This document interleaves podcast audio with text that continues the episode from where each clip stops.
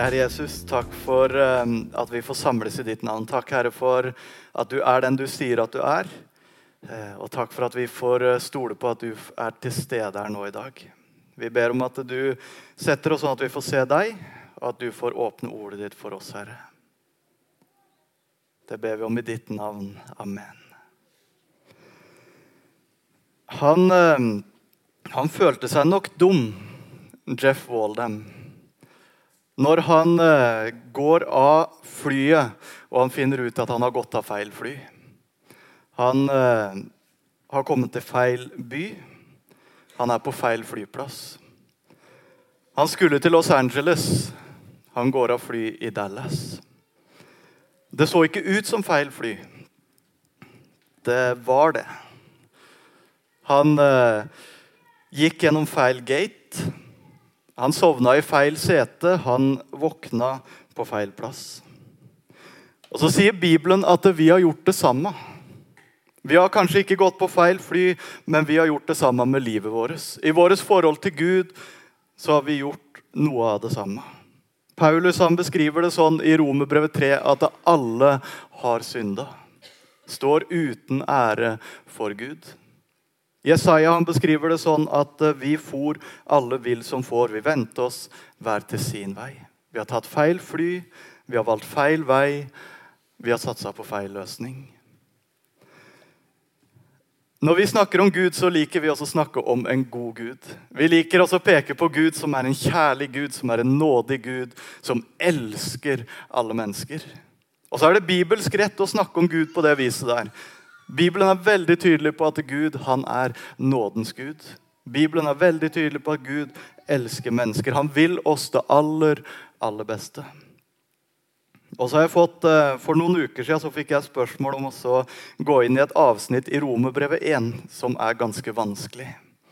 Med en gang jeg fikk spørsmål om det der, så tenkte jeg at det der kan bli bra. Jeg likte litt den.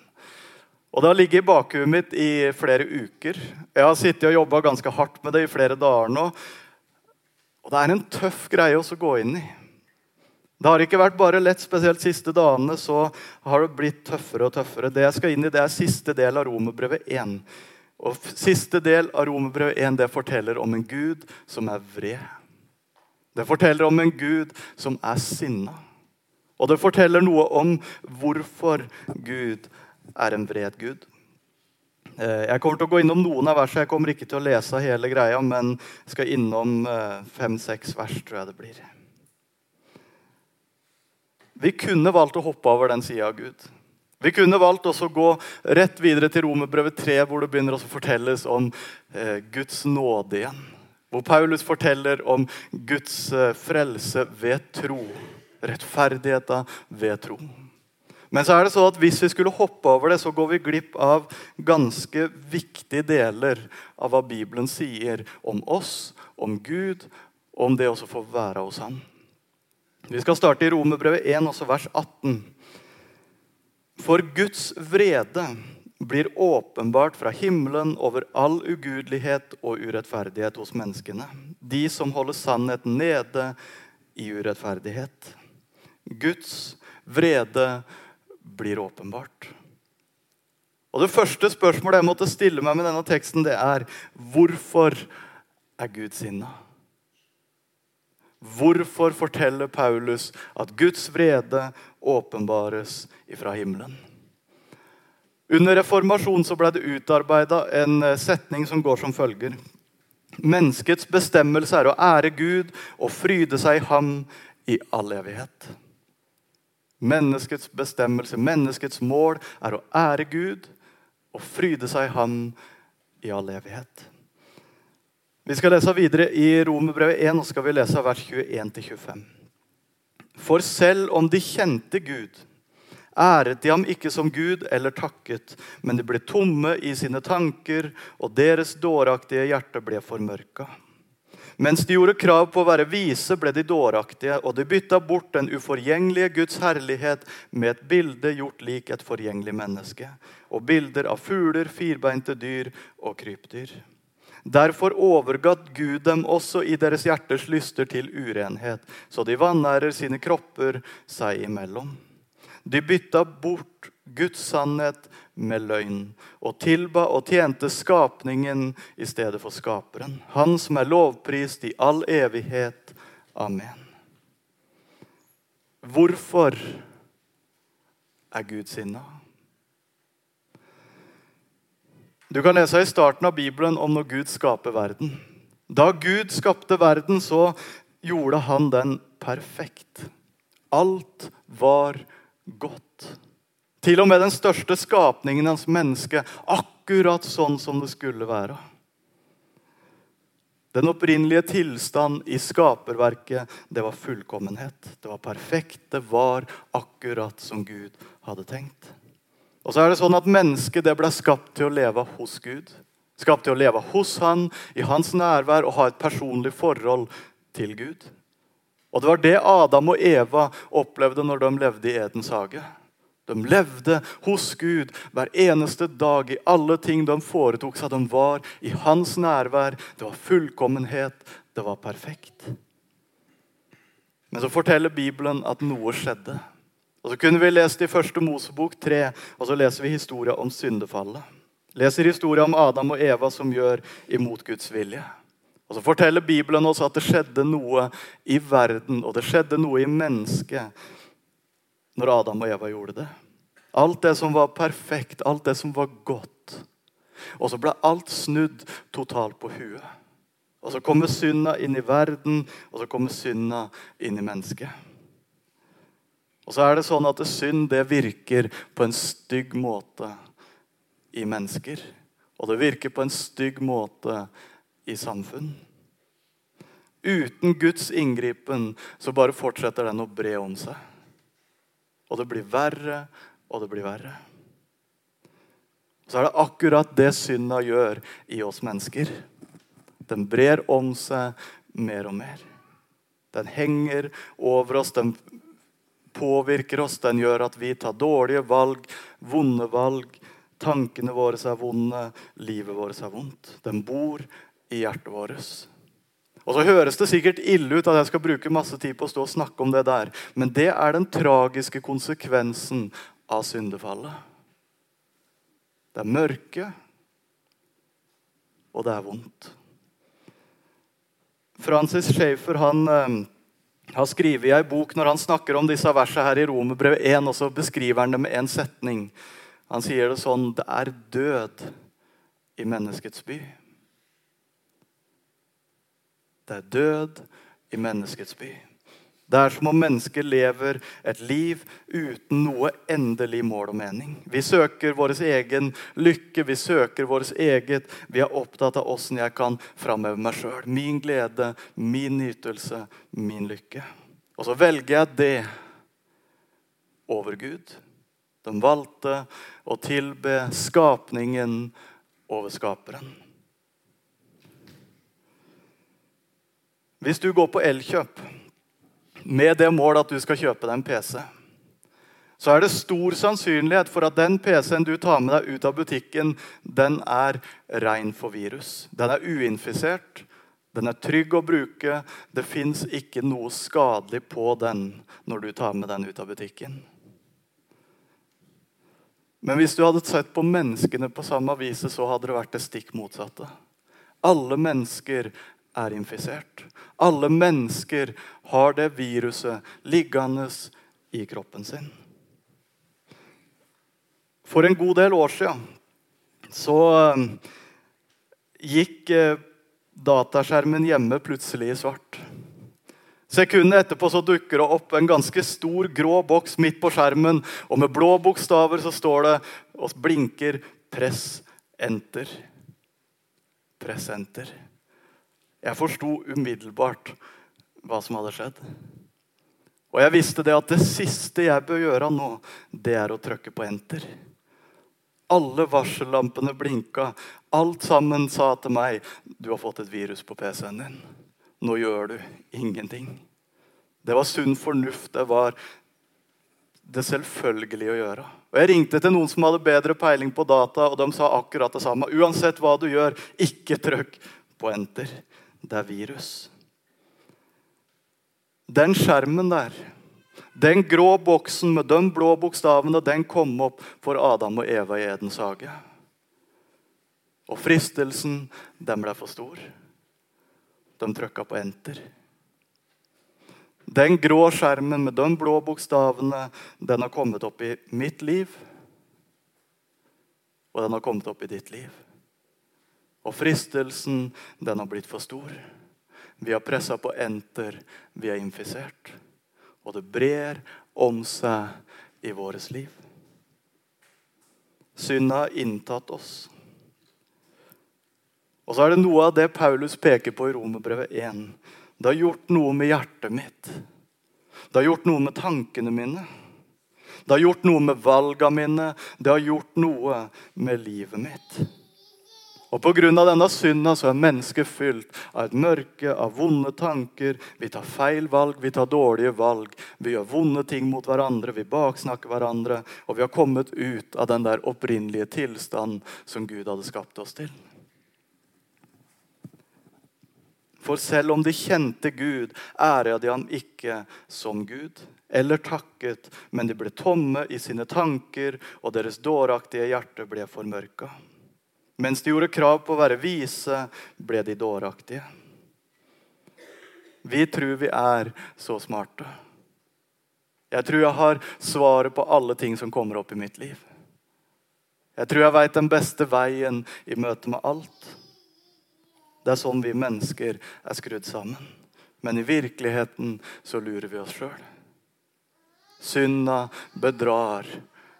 Synda fører oss ut i det mørke. Og det brer om seg, akkurat som Paulus beskriver.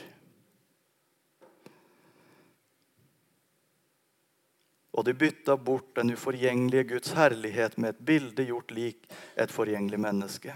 Og bilder av fugler, firbeinte dyr og krypdyr. Derfor overga Gud dem også i deres hjerters lyster til urenhet. Så de vanærer sine kropper seg imellom. De bytta ut Guds sannhet med løgn og tilba og tjente skapningen i stedet for skaperen, han som er lovprist i all evighet. Det er den tragiske sannheten om mitt liv. Jeg har bytta ut Gud med meg sjøl. Jeg har bytta ut hans vilje. Vi som var skapt til å leve hos Han, vi som var skapt til å ha et personlig forhold til Han, vi som var skapt til å leve i Hans nærhet hvert eneste sekund av vårt liv. Og så har jeg bytta ut Hans vilje med min vilje. Og så har jeg bytta ut Guds herlighet med min stolthet. Og så har jeg bytta ut Guds hellighet med synd. Og så har jeg bytta ut sannheten med løgn. I stedet for å tilbe Skaperen, så tilber vi skapningen. Det er det som preger hjertet mitt, tankene mine og livet mitt. Det er et mørke som hviler over menneskene. Men for å gå tilbake til det opprinnelige spørsmålet som jeg starta med. For igjen, hvorfor er Gud sinna? Hvorfor åpenbares Guds vrede fra himmelen? Det er beinharde ord. Hvis du går hjem i dag og så leser du fra Romerbrevet 1, vers 18, altså ut kapittelet, og gjerne starten av Romerbrevet 2 òg, så kommer du til å se det er beinharde ord fra Paulus. Både det som beskriver Guds vrede, og det som beskriver vår situasjon. Det høres fryktelig ut. Og så er det fryktelig, det som Paulus skriver.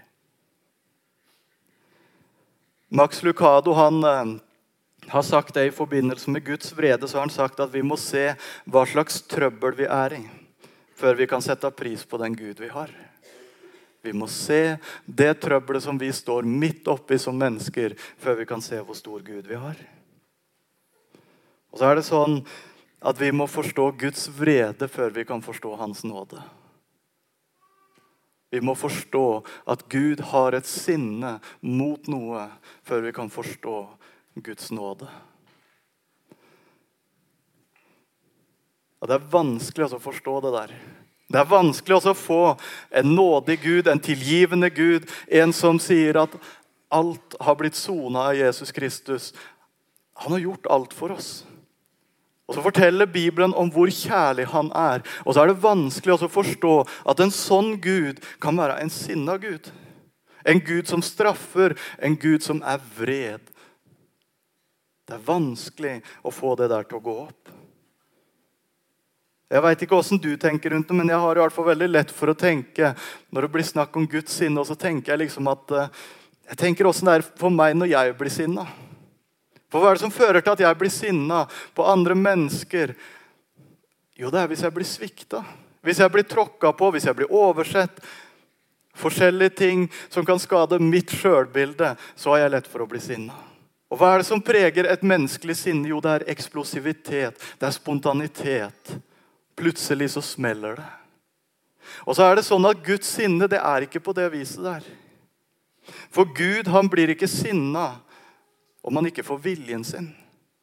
Det er veldig lett for meg å tenke at Gud blir sinna for at jeg hører ikke på det han sier. Det er ikke der Guds vrede blir åpenbart. Det er ikke fordi han ikke får vilja si i mitt liv. Guds sinne det er annerledes. Det blir ikke drevet av den egeninteressa som mitt sinne blir drevet av. Så hvorfor blir Gud sinna? siterer Max Lucado en gang til. Han sier det sånn at Gud han blir sinna fordi han veit at ulydighet fører til selvødeleggelse. Gud blir sinna ikke fordi jeg er ulydig mot han, men Gud blir sinna for han veit at når jeg er ulydig mot det han har sagt, så fører det til at jeg ødelegger mitt liv. Kanskje det ikke skjer på det tidspunktet jeg er ulydig. Kanskje det ikke skjer de neste ukene, kanskje det ikke skjer så lenge jeg lever på denne jorda, men det kommer i hvert fall til å skje i møte med evigheten. Min ulydighet fører til at min evighet, at mitt liv, at min sjel blir ødelagt. Derfor er det Gud blir sinna. Hvilken far er det som blir sittende og se på barnet sitt som skader seg sjøl uten å gjøre noe? Hvilken far er det som ser på barnet sitt som er i ferd med å skade seg sjøl, og vender seg bort? Gud kan ikke gjøre det. Han tar ikke lett på våre synd. Gud ser ikke på mennesker som begår mord, mennesker som baktaler hverandre. Mennesker som brer om seg seksuell umoral. Han ser ikke på det og snur seg vekk og tenker at det er ikke så farlig. Han veit at det ødelegger menneskene. Og det vekker et ufattelig sinne inni Gud. Han kan ikke se på at mennesker ødelegger seg sjøl. Så Gud han har god grunn til å være sinna. Når han ser på mitt liv, når han ser på min synd, når han ser på det som sniker seg inn i hjertet mitt og tankene mine, og som ødelegger meg fra innsida. Gud har god grunn til å være sinna.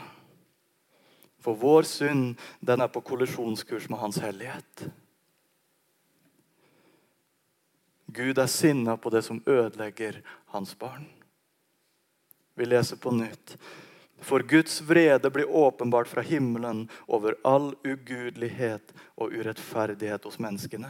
De som holder sannheten nede i urettferdighet. For selv om de kjente Gud, æra de ham ikke som Gud, eller takket, men de ble tomme i sine tanker, og deres dåraktige hjerte ble formørka. Mens de gjorde krav på å være vise, ble de dåraktige, og de bytta bort den uforgjengelige Guds herlighet med et bilde gjort lik et forgjengelig menneske, og bilder av fugler, firbeinte dyr og krypdyr. Derfor overga Gud dem også i deres hjerters lyster til urenhet, så de vanærer sine kropper seg imellom.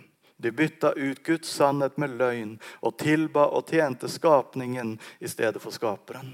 Han som er lovprist i all evighet. Vi velger synda. Og den utbrer seg. Vi er alle infisert. Den utbrer seg i mitt liv i dag. I mine tanker, i mitt hjerte. Adam, han trykka enter. Jeg trykka enter.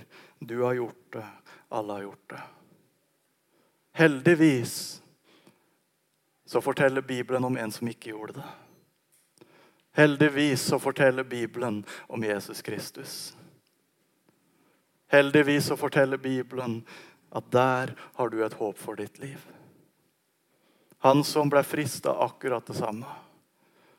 Du tenker kanskje ikke på det, men den samme svarte skjermen med den samme grå ramma med de samme blå bokstavene kom opp i Jesus sitt liv. Han møtte den samme fristelsen, men han trykka aldri enter. Han var hellig fra dag én til siste dag. Fullkommen uten synd. Uinfisert. Og så står det om Jesus Kristus at han tok straffa for våre synd. Guds vrede for vår synd. Ramma han. Lagt på Jesus, uttømt over Jesus. Guds vrede blir åpenbart fra himmelen over all ugudelighet og urettferdighet hos menneskene. Og den kommer en dag til å bli åpenbart over alle mennesker som ikke tror på Jesus. Men Guds vrede har allerede en dag blitt åpenbart på denne jorda. Og det skjedde på Golgata for omtrent 2000 år siden. Guds vrede som ble åpenbart over all verdens synd. Uttømt over en som var uskyldig. Uttømt over en som var uinfisert. Og så tok Jesus straffa i ditt sted. Så ja, Bibelens Gud er en sinna Gud. Bibelens Gud hater det som vil ødelegge hans barn. Og han kan ikke i stillhet sitte og se på det. Samtidig så viser Guds vrede oss Guds nåde i all sin storhet. Der den tømmes ut over Jesus Kristus.